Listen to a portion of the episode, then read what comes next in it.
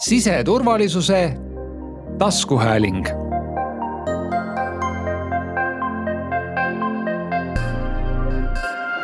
just nii, viieteistkümnes siseturvalisuse taskuhääling alustab.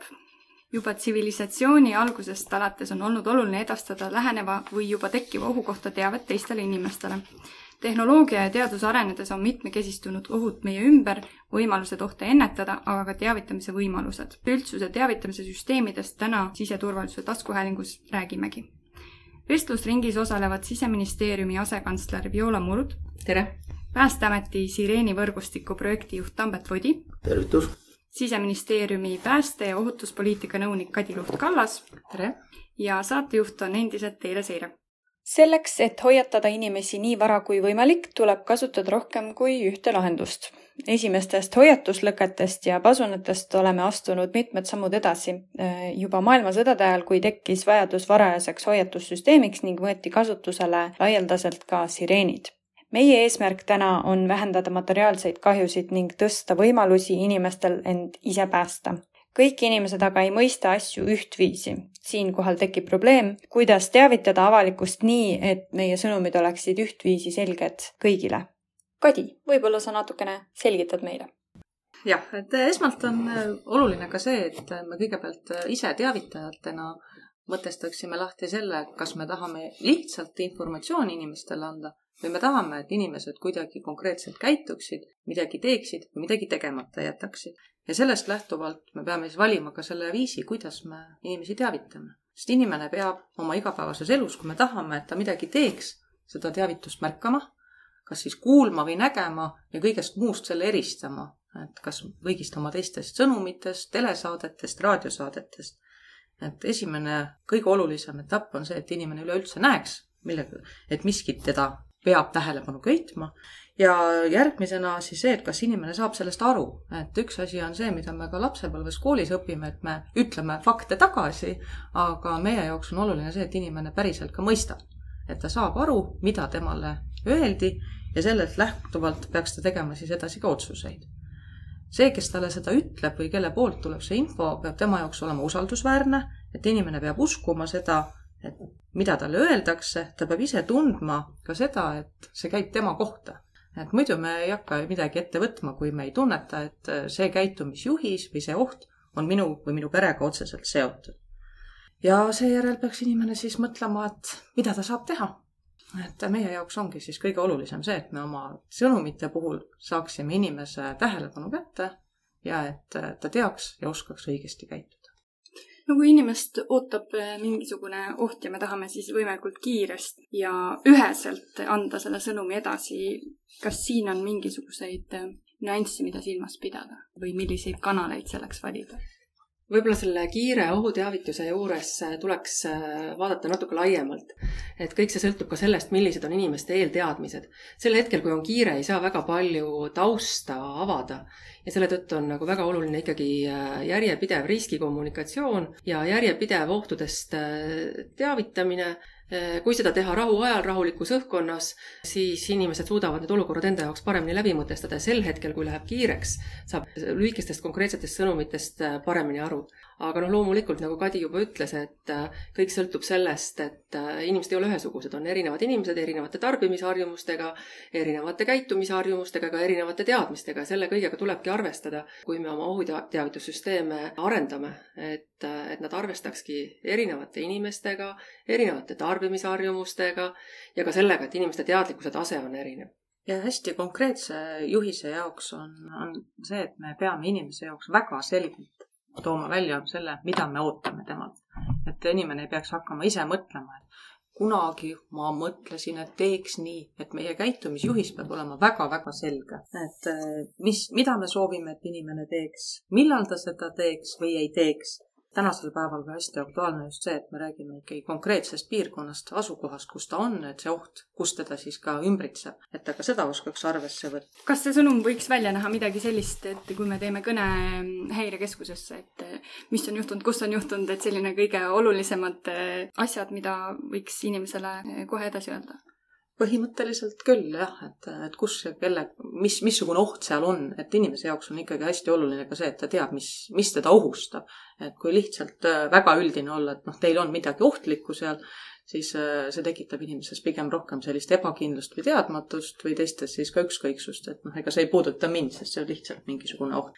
ja hästi oluline siis ikkagi ka see, et äh, inimene saaks seda sõnumi saatjat eristada ja et ta usaldab teda et äh, see ei saa olla lihtsalt äh, sõnum, mida meile igapäevaselt tuleb, mõni teavitus, vaid ta peab olema teistest sõnumitest või teavitustest äh, kindlasti eristuv ja meie jaoks usaldusväärne. no kuidas Päästeamet teeb oma sõnumid nii usaldusväärseks, et inimesed ei jäta neid kahe silma vahele? ja see on väga hea küsimus. et äh, esiteks Päästeamet on nii-öelda, ta on igapäevaselt kindlasti pildis ja ta ongi see ohutuskultuuri eestvedaja ta räägibki ette, ta räägib, kuidas peaks, kuidas võiks, toob näiteid, ta räägib inimestele arusaadavas keeles ja ilmselgelt äh, inimesed on tegelikult harjunud meie punase auto ja päästega ka, nad saavad aru, et kui sealtpoolt öeldakse, siis see on see sõnum, mida tasub kuulata. teavad, et sealt ei tule nii-öelda infot, mille põhjal ta ei peaks saama kasu ise või, või abi või kuidas seda siis nüüd nimetada. et äh, selle koha pealt äh, jah, meil on võib-olla lihtsam, meil on hea pagas juba olemas. et meil, meil seesama usaldusväärsus on kindlasti olemas. ma siin kohapeal tuleks selle sõnumi selguse juurde, et, et jah, et rahuaegselt rahulikult õpetada ja kõike, see on väga hea. ja et inimesed oskavad ja saavadki juba aru, et tegelikult siis sõnumi võimalikult lühidaks tegemine, see on see võtmeküsimus, et, et mida pikemaks sa oma sõnumi teed, seda tõenäolisem on, et seda loetakse erinevat moodi ja saadakse erinevalt aru. et jah, kindlasti peab olema see koht, et esimene sõnum kätte, aga teine ots on see, et kui nüüd ka tekib küsimust, kus sa saad selle lisainfo juurde, mis sul vaja on kakskümmend üks juuni oli see tähtaeg, kus Euroopa Liidu direktiiv pani siis meile ka kohustuse, et liikmesriigid tagavad selleks ajaks üldsuse hoiatamise süsteemides mobiilside vahelised lahendused. kuidas see meil välja näeb?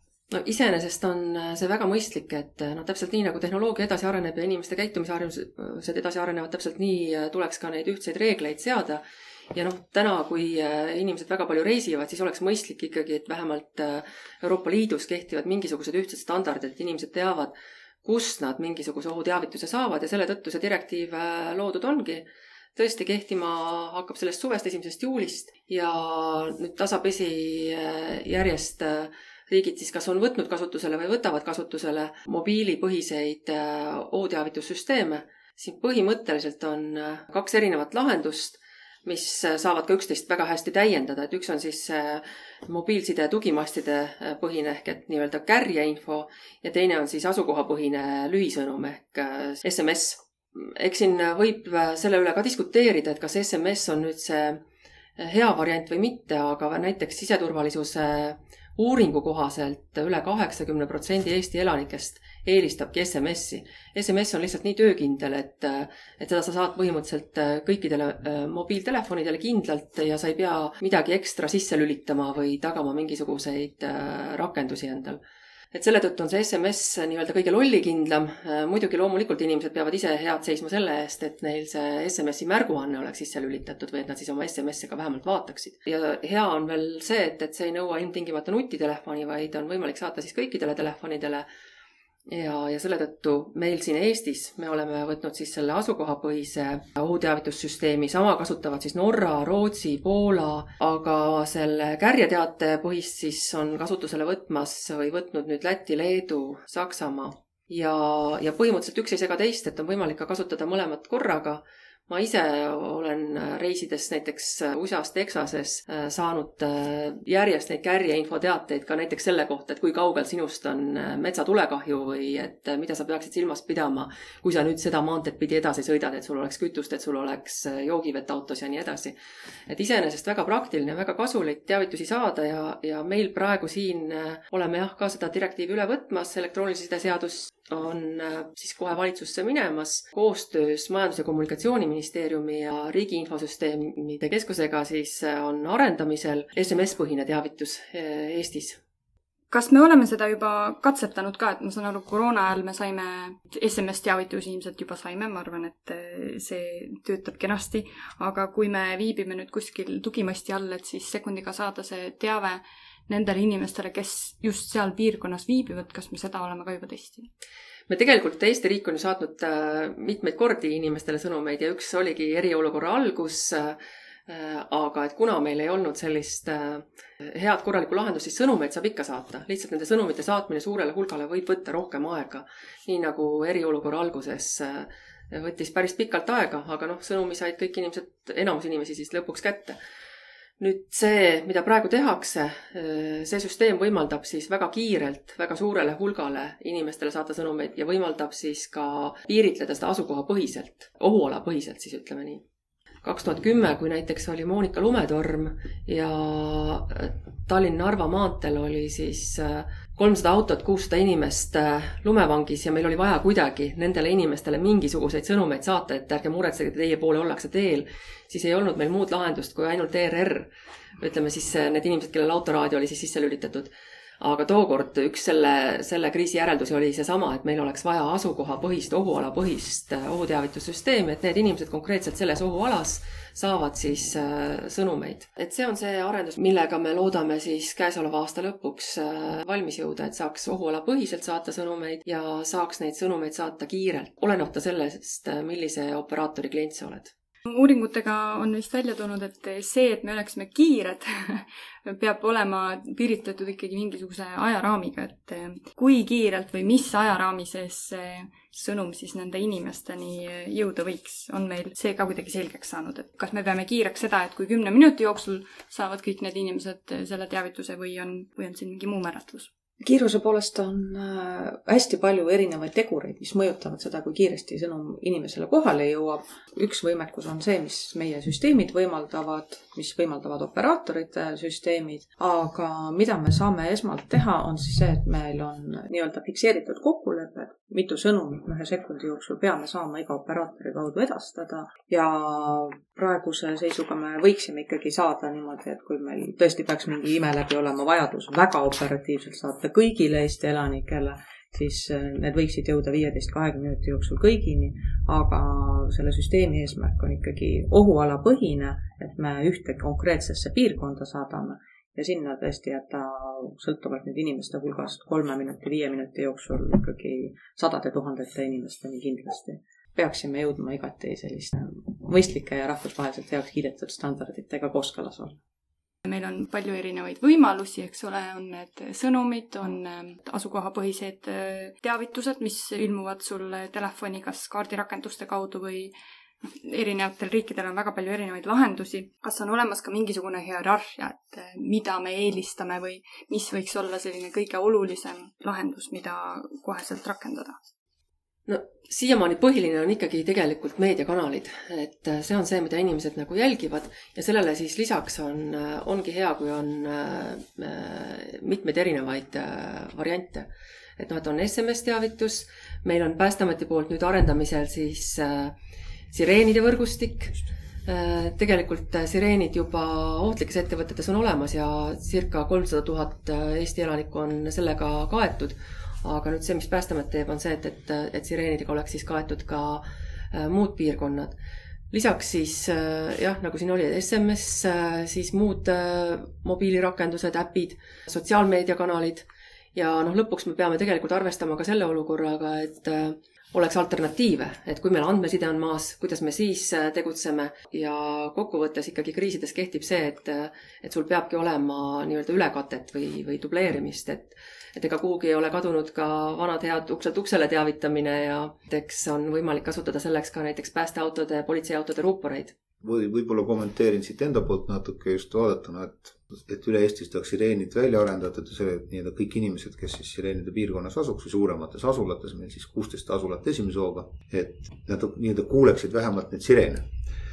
mis on nüüd siis võib-olla siis hierarhiasse hakata panema, siis sireeniga on kõige vähem infot võimalik edasi anda et äh, sinna ei mahu väga palju, et äh, ei saa sireeniga kindlasti teha nii, et äh, meil on meeletus koguses erinevaid helisignaale, sest inimesed ei suuda neid kindlasti selgeks õppida, selle peab tegema lihtsaks. see tähendab seda, et kui kasutada sireeni, siis peaks kuskilt tulema veel lisainfo.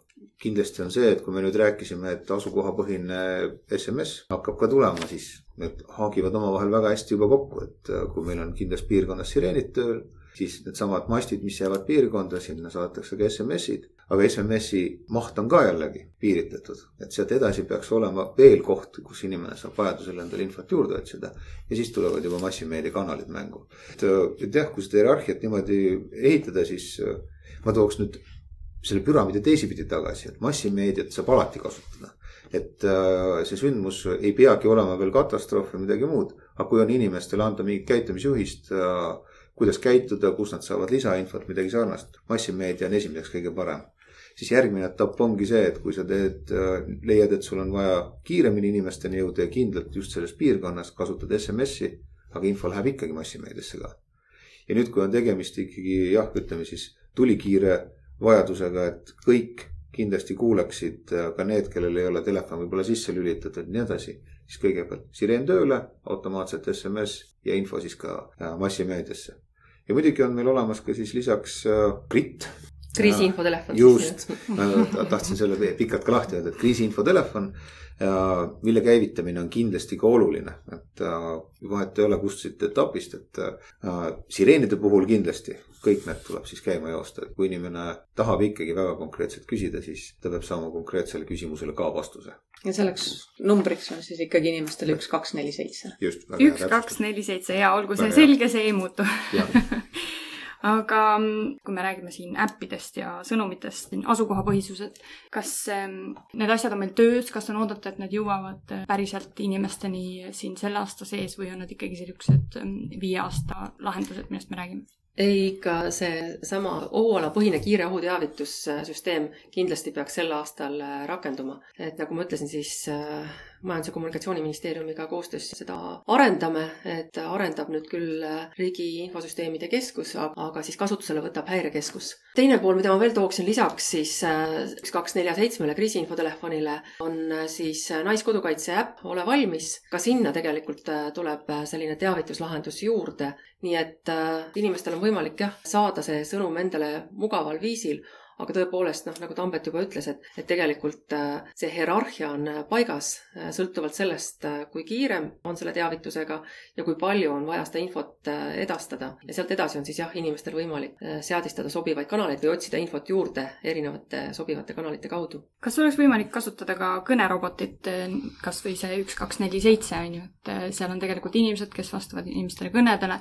kas oleks võimalik see automatiseerida või luua mingisuguseid digitaalseid lahendusi veel sinna sinna juurde. kas see kiirendaks inimeste abistamist?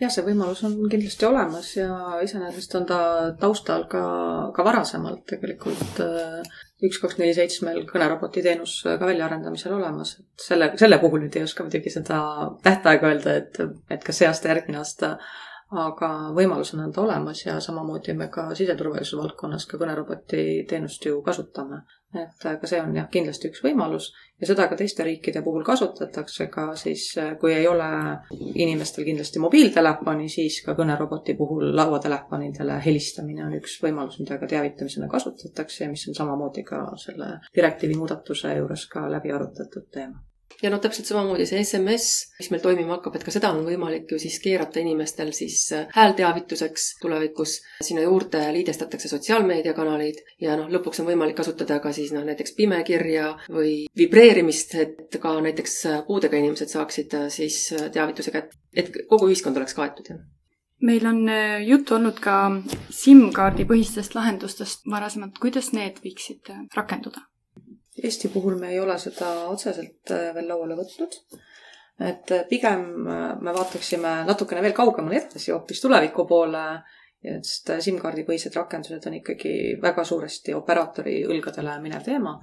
Aga paari aasta pärast peaks tekkima meil võimalus kasutada satelliidi lahendusel teavitusi et äh, Galileo rakendused on praegu Euroopas testimisel. on riike, kus seda praegu juba nii-öelda proovitakse, katsetatakse ja kahekümne neljanda aasta käigus peaks olema siis võimalik ka see, et üle Euroopa Liidu on meil võimalik siis sõltumata meie mobiilside toimimisest ka üle satelliidi teavitusi anda ehk siis, kui on suur katastroof, maavärin või on vulkaanipursked, mida meil siin tõenäoliselt ei, ei juhtu, aga kui on mobiilside maas ja on pime või välku lööb, siis see võiks tulla ikkagi läbi teavitusena. jah, et ka Galileo puhul on siis see, et meil tuleb asukohapõhiselt, et saab ka väga selgelt suunata selle teavituse telefonidele, mis asuvad siis selles piirkonnas väga konkreetsel alal me rääkisime enne põgusalt veel sireenidest.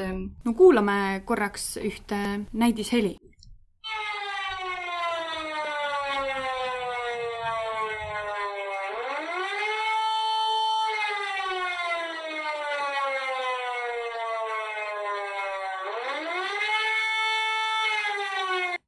mis signaali me praegu kuulasime?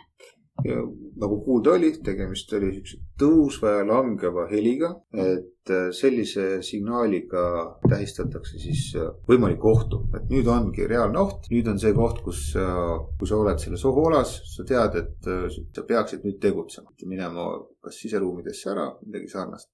Sarnast heli on võimalik mõningate siis suurendatud ohuga ettevõtete läheduses kuulda, kui seal peaks juhtuma õnnetus. ütleme nii, et loodame, et keegi ei kuule seda kunagi, aga aga kui kuuldakse, siis kindlasti tasuks tegutseda. ma saan aru, see on sama heli, mida testiti ka Muugal hiljuti? just, täpselt sama heli. kas Päästeamet tegi sellest äh, testimisest ka mõned järeldused, kas midagi oli väga hästi, on mingeid kitsaskohti veel, millele tähelepanu pöörata? ja, ja see oli meile väga kasulik katsetus, et äh, et siin kohapeal ei võitnud mitte ainult äh, meil sireenide projekt, ehk siis mille jaoks me tegelikult seda katsetust tegime et soovisime lihtsalt teadagi, et jah, meil on teada sellist, mis tüüpi sireenid seal olid, millised olid nii-öelda selle siis karakteristik või spekid, kuidas ta peaks levima, aga mida see nüüd siis päriselt tähendaks, sest siin on nii palju määrajaid, mis takistavad tegelikult heli levikut mõistlikult. kui kõrgele ta on paigaldatud, kui palju jääb vahele erinevat tüüpi objekte, kas on metsamassiiv, hooned, midagi muud muu taustamüra, kõik, et kuidas see mõjutas, et me saime selles, selles osas väga head teadmist. sest äh, me mitte ei käinud ainult kõrvaga kuulamas, me panime sinna spetsiaalsed seadmed ka ülesse, oli ettevõte, kes aitas meil nii-öelda analüüsida siis heli levikut erinevatel kaugustel. ja siin kohapeal, see on meil nüüd edasi meie siis äh, nii nimetatud kuueteistkümne asula osas, kui me modelleerime seal välja sireenipostide asukohta, see on väga kasulik info sest me soovime teha võrgustikku sedapidiselt, et mitte meil ei tule ettevõte, kes pakub, me paneme a la Tartusse paneme, ma ei tea, kakskümmend sireeni ja teine ettevõte, kes ütleb, et me paneme sinna kolm sireeni, et, et siis meie peaksime nagu õunte pealt ennustama, kumb on parem lahendus, et nüüd meil on olemas andmed ja teadmine, kuidas seda modelleerida paremini ja me teeme sellised, valime sireenipunktid ennem välja ja siis me hakkame sireene sinna peale hankima. aga nüüd tulla, mida teised veel võitsid et kuna tegemist oli ohtlike ettevõtete sireenidega, mis seal kohapeal olid, siis jah, äh, meil on siiamaani nii-öelda teadmine, et neil on sireenid, neid on katsetatud ja me oleme neid ka nagu nii-öelda kõrvaga nagu mingil määral kuulnud aga nüüd me tegime väga põhjaliku nii-öelda analüüsi sinna sappa, mis on tegelikult just ohutusjärelevalvele, kes meil kemikaalijärelevalvet teeb, väga kasulik teadmine.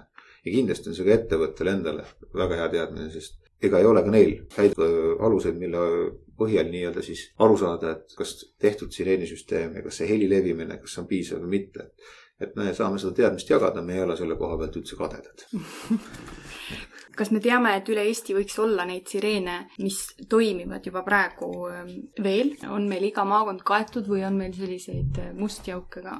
No ütleme nii, et meil on praegu, on ikkagi ohtlike ettevõtete põhine Äh, lahendus, kellel on kohustus siis jõuda kiiresti nende ohualas olevate inimesteni. aga jah, Maa-ameti kaardirakenduses on olemas äh, ohtlike ettevõtete kaardikiht, kus võib iga inimene minna vaadata, kuidas need ohtlikud ettevõtted asuvad, kui suured on neil ohualad ja tegelikult sealt on ka siis võimalik äh, aru saada, et kus meil siis nii-öelda neid mustasid laike on et jah, pigem saame ikkagi öelda, et äh, tegemist äh, ei ole hetkel selliselt toimiva süsteemiga, et mida kasutada siis äh, muude ohtude teavitamiseks, et see on ikkagi väga konkreetselt ühe ettevõtte põhiselt ja seal piirkonnas siis olevate inimeste teavitamiseks ettevõtetel on võimalus ka see, et kui neil ei ole palju inimesi ohualas, siis nad ei pea mitte sireeni paigaldama, vaid võivad ka kasutada muid lahendusi.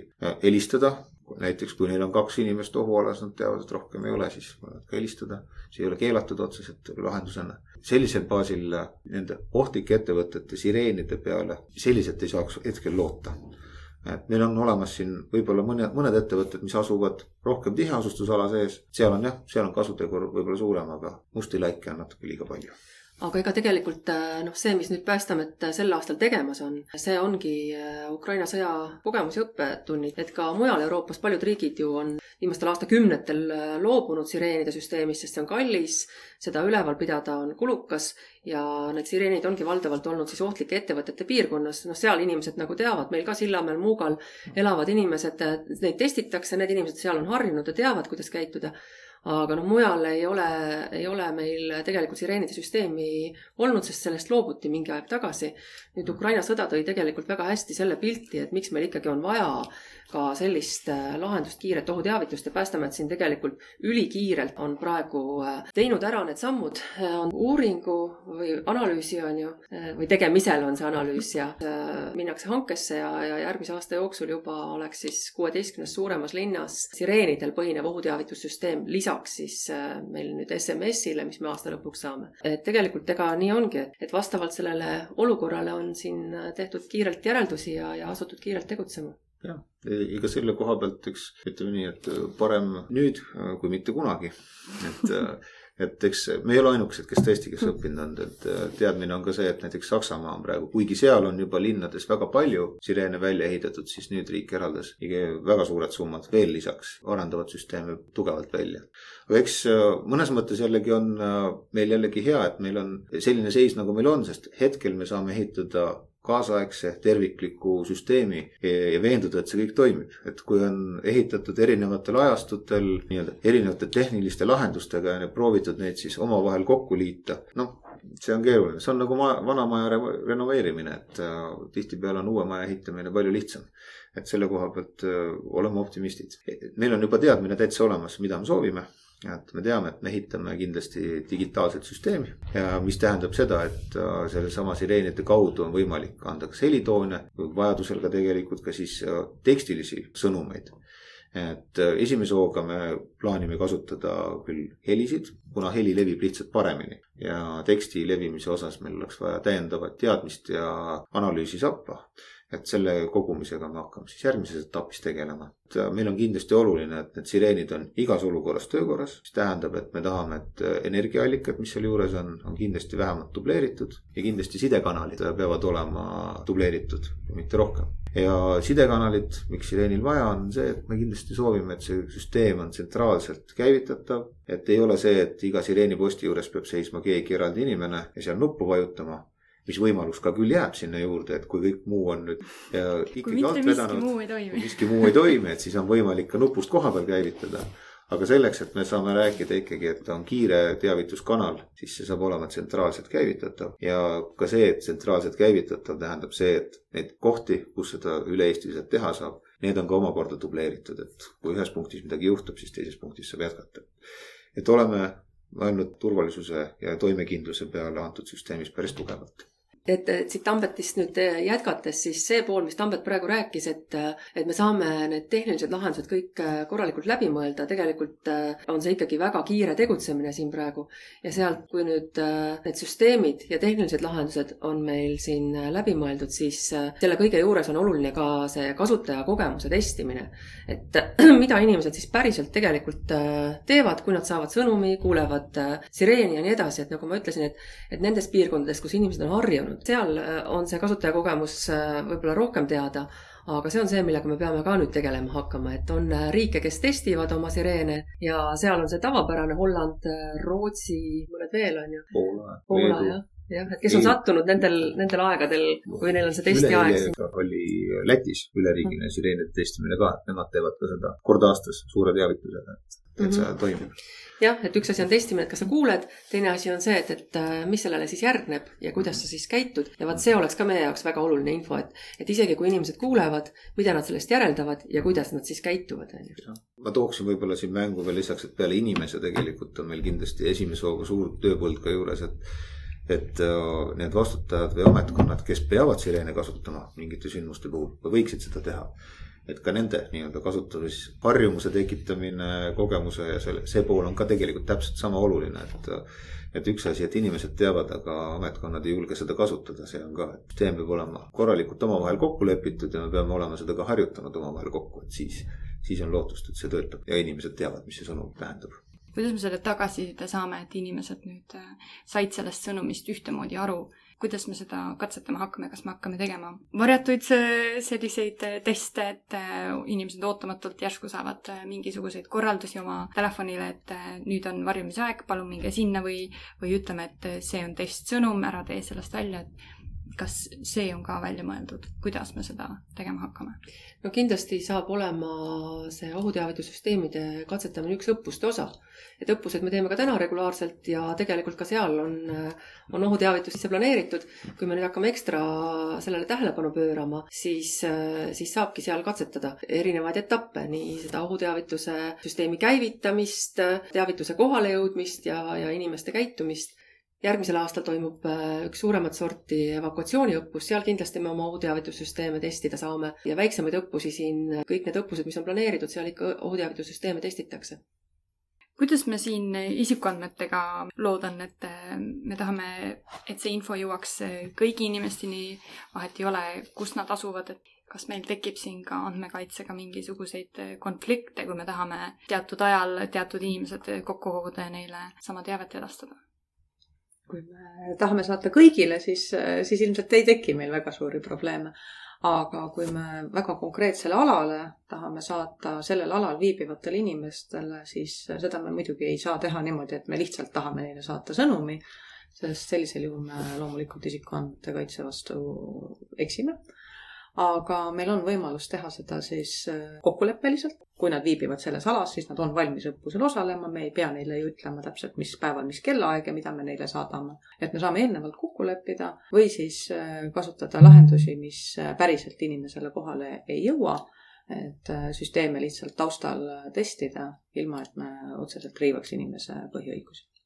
kas siin on ka mingeid ohte näha, et petturid võiksid hakata saatma sarnase sisuga SMS-teavitusi või hakata seda kuidagi mm, meie vastu ära kasutama, et kui me ütleme välja, et jah, me tahame hakata selliseid teavitussõnumeid saatma, et kas siin on selliseid riskikohti ka?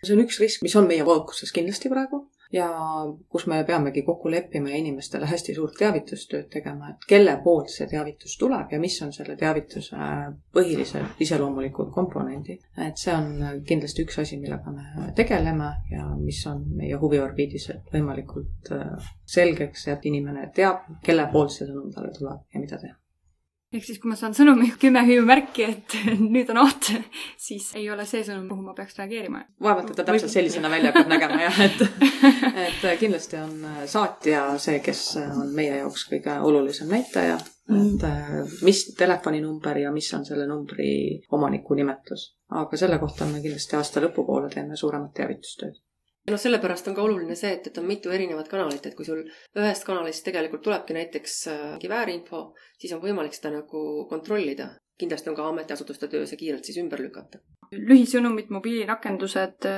lauatelefonid, kõnerobotid, sireenid, valjuhäälid, need kõik on, katavad väga erinevaid aspekte kindlasti. Neid kombineerides leiame kõige parema lahenduse. mis Euroopa riigid on leidnud, kas me saame kelleltki võtta väga head šnitti ka? Erinevad uuringud äh, ongi välja toonud äh, ka näiteks, nii nagu Viola enne ütles, et ka selle sõnumil, et me võime neid kombineerida, näiteks Prantsusmaa puhul on kasutusel mõlemad, nii kärjeinfo põhine kui äh, sõnumipõhine. aga kõigi puhul praegu on ikkagi peamine kriteerium see, et võimalikult suurt hulka erinevaid kanaleid katta ja vastavalt sündmusele valida need kanalid. et just nimelt nii, nagu Tambet enne ütles, et kas me tahame, et inimesed teaksid või me tahame, et nad konkreetsel alal kuidagi käituvad, et me valime selle kanali lähtuvalt sellele.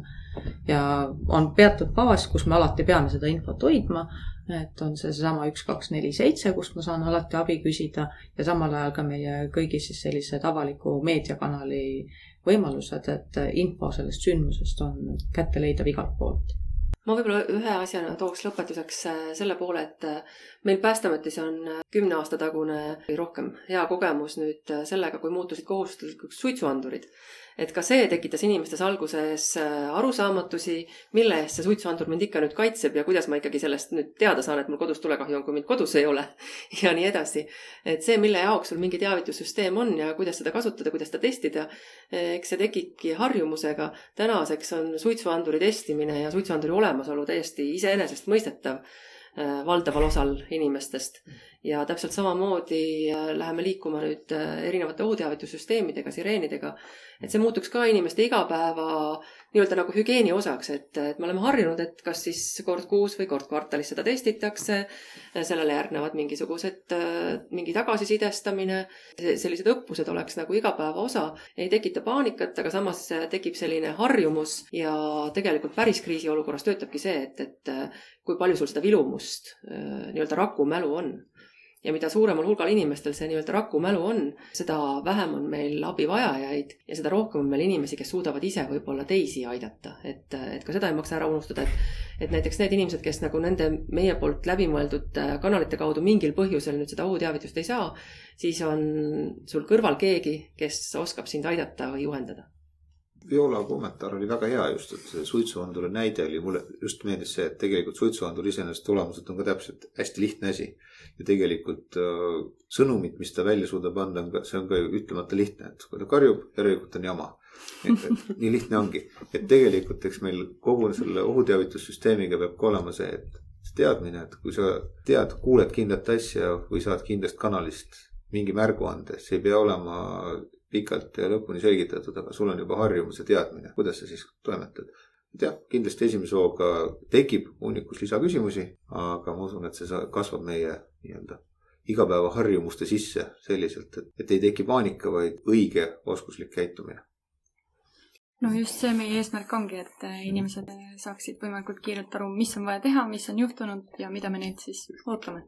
Äh, aitäh, Viola Tambet ja Kadi, et äh, sireene ja teisi avalikkuse teavitamise vahendeid, võimalusi selgitasite. jääme ootama uusi arenguid ja vaatame, mis siis juhtub, kui tulevad varsti siin sõnumid meil telefoni, et kuhu peame jooksma aitäh kutsumast! aitäh! Siseturvalisuse taskuhääling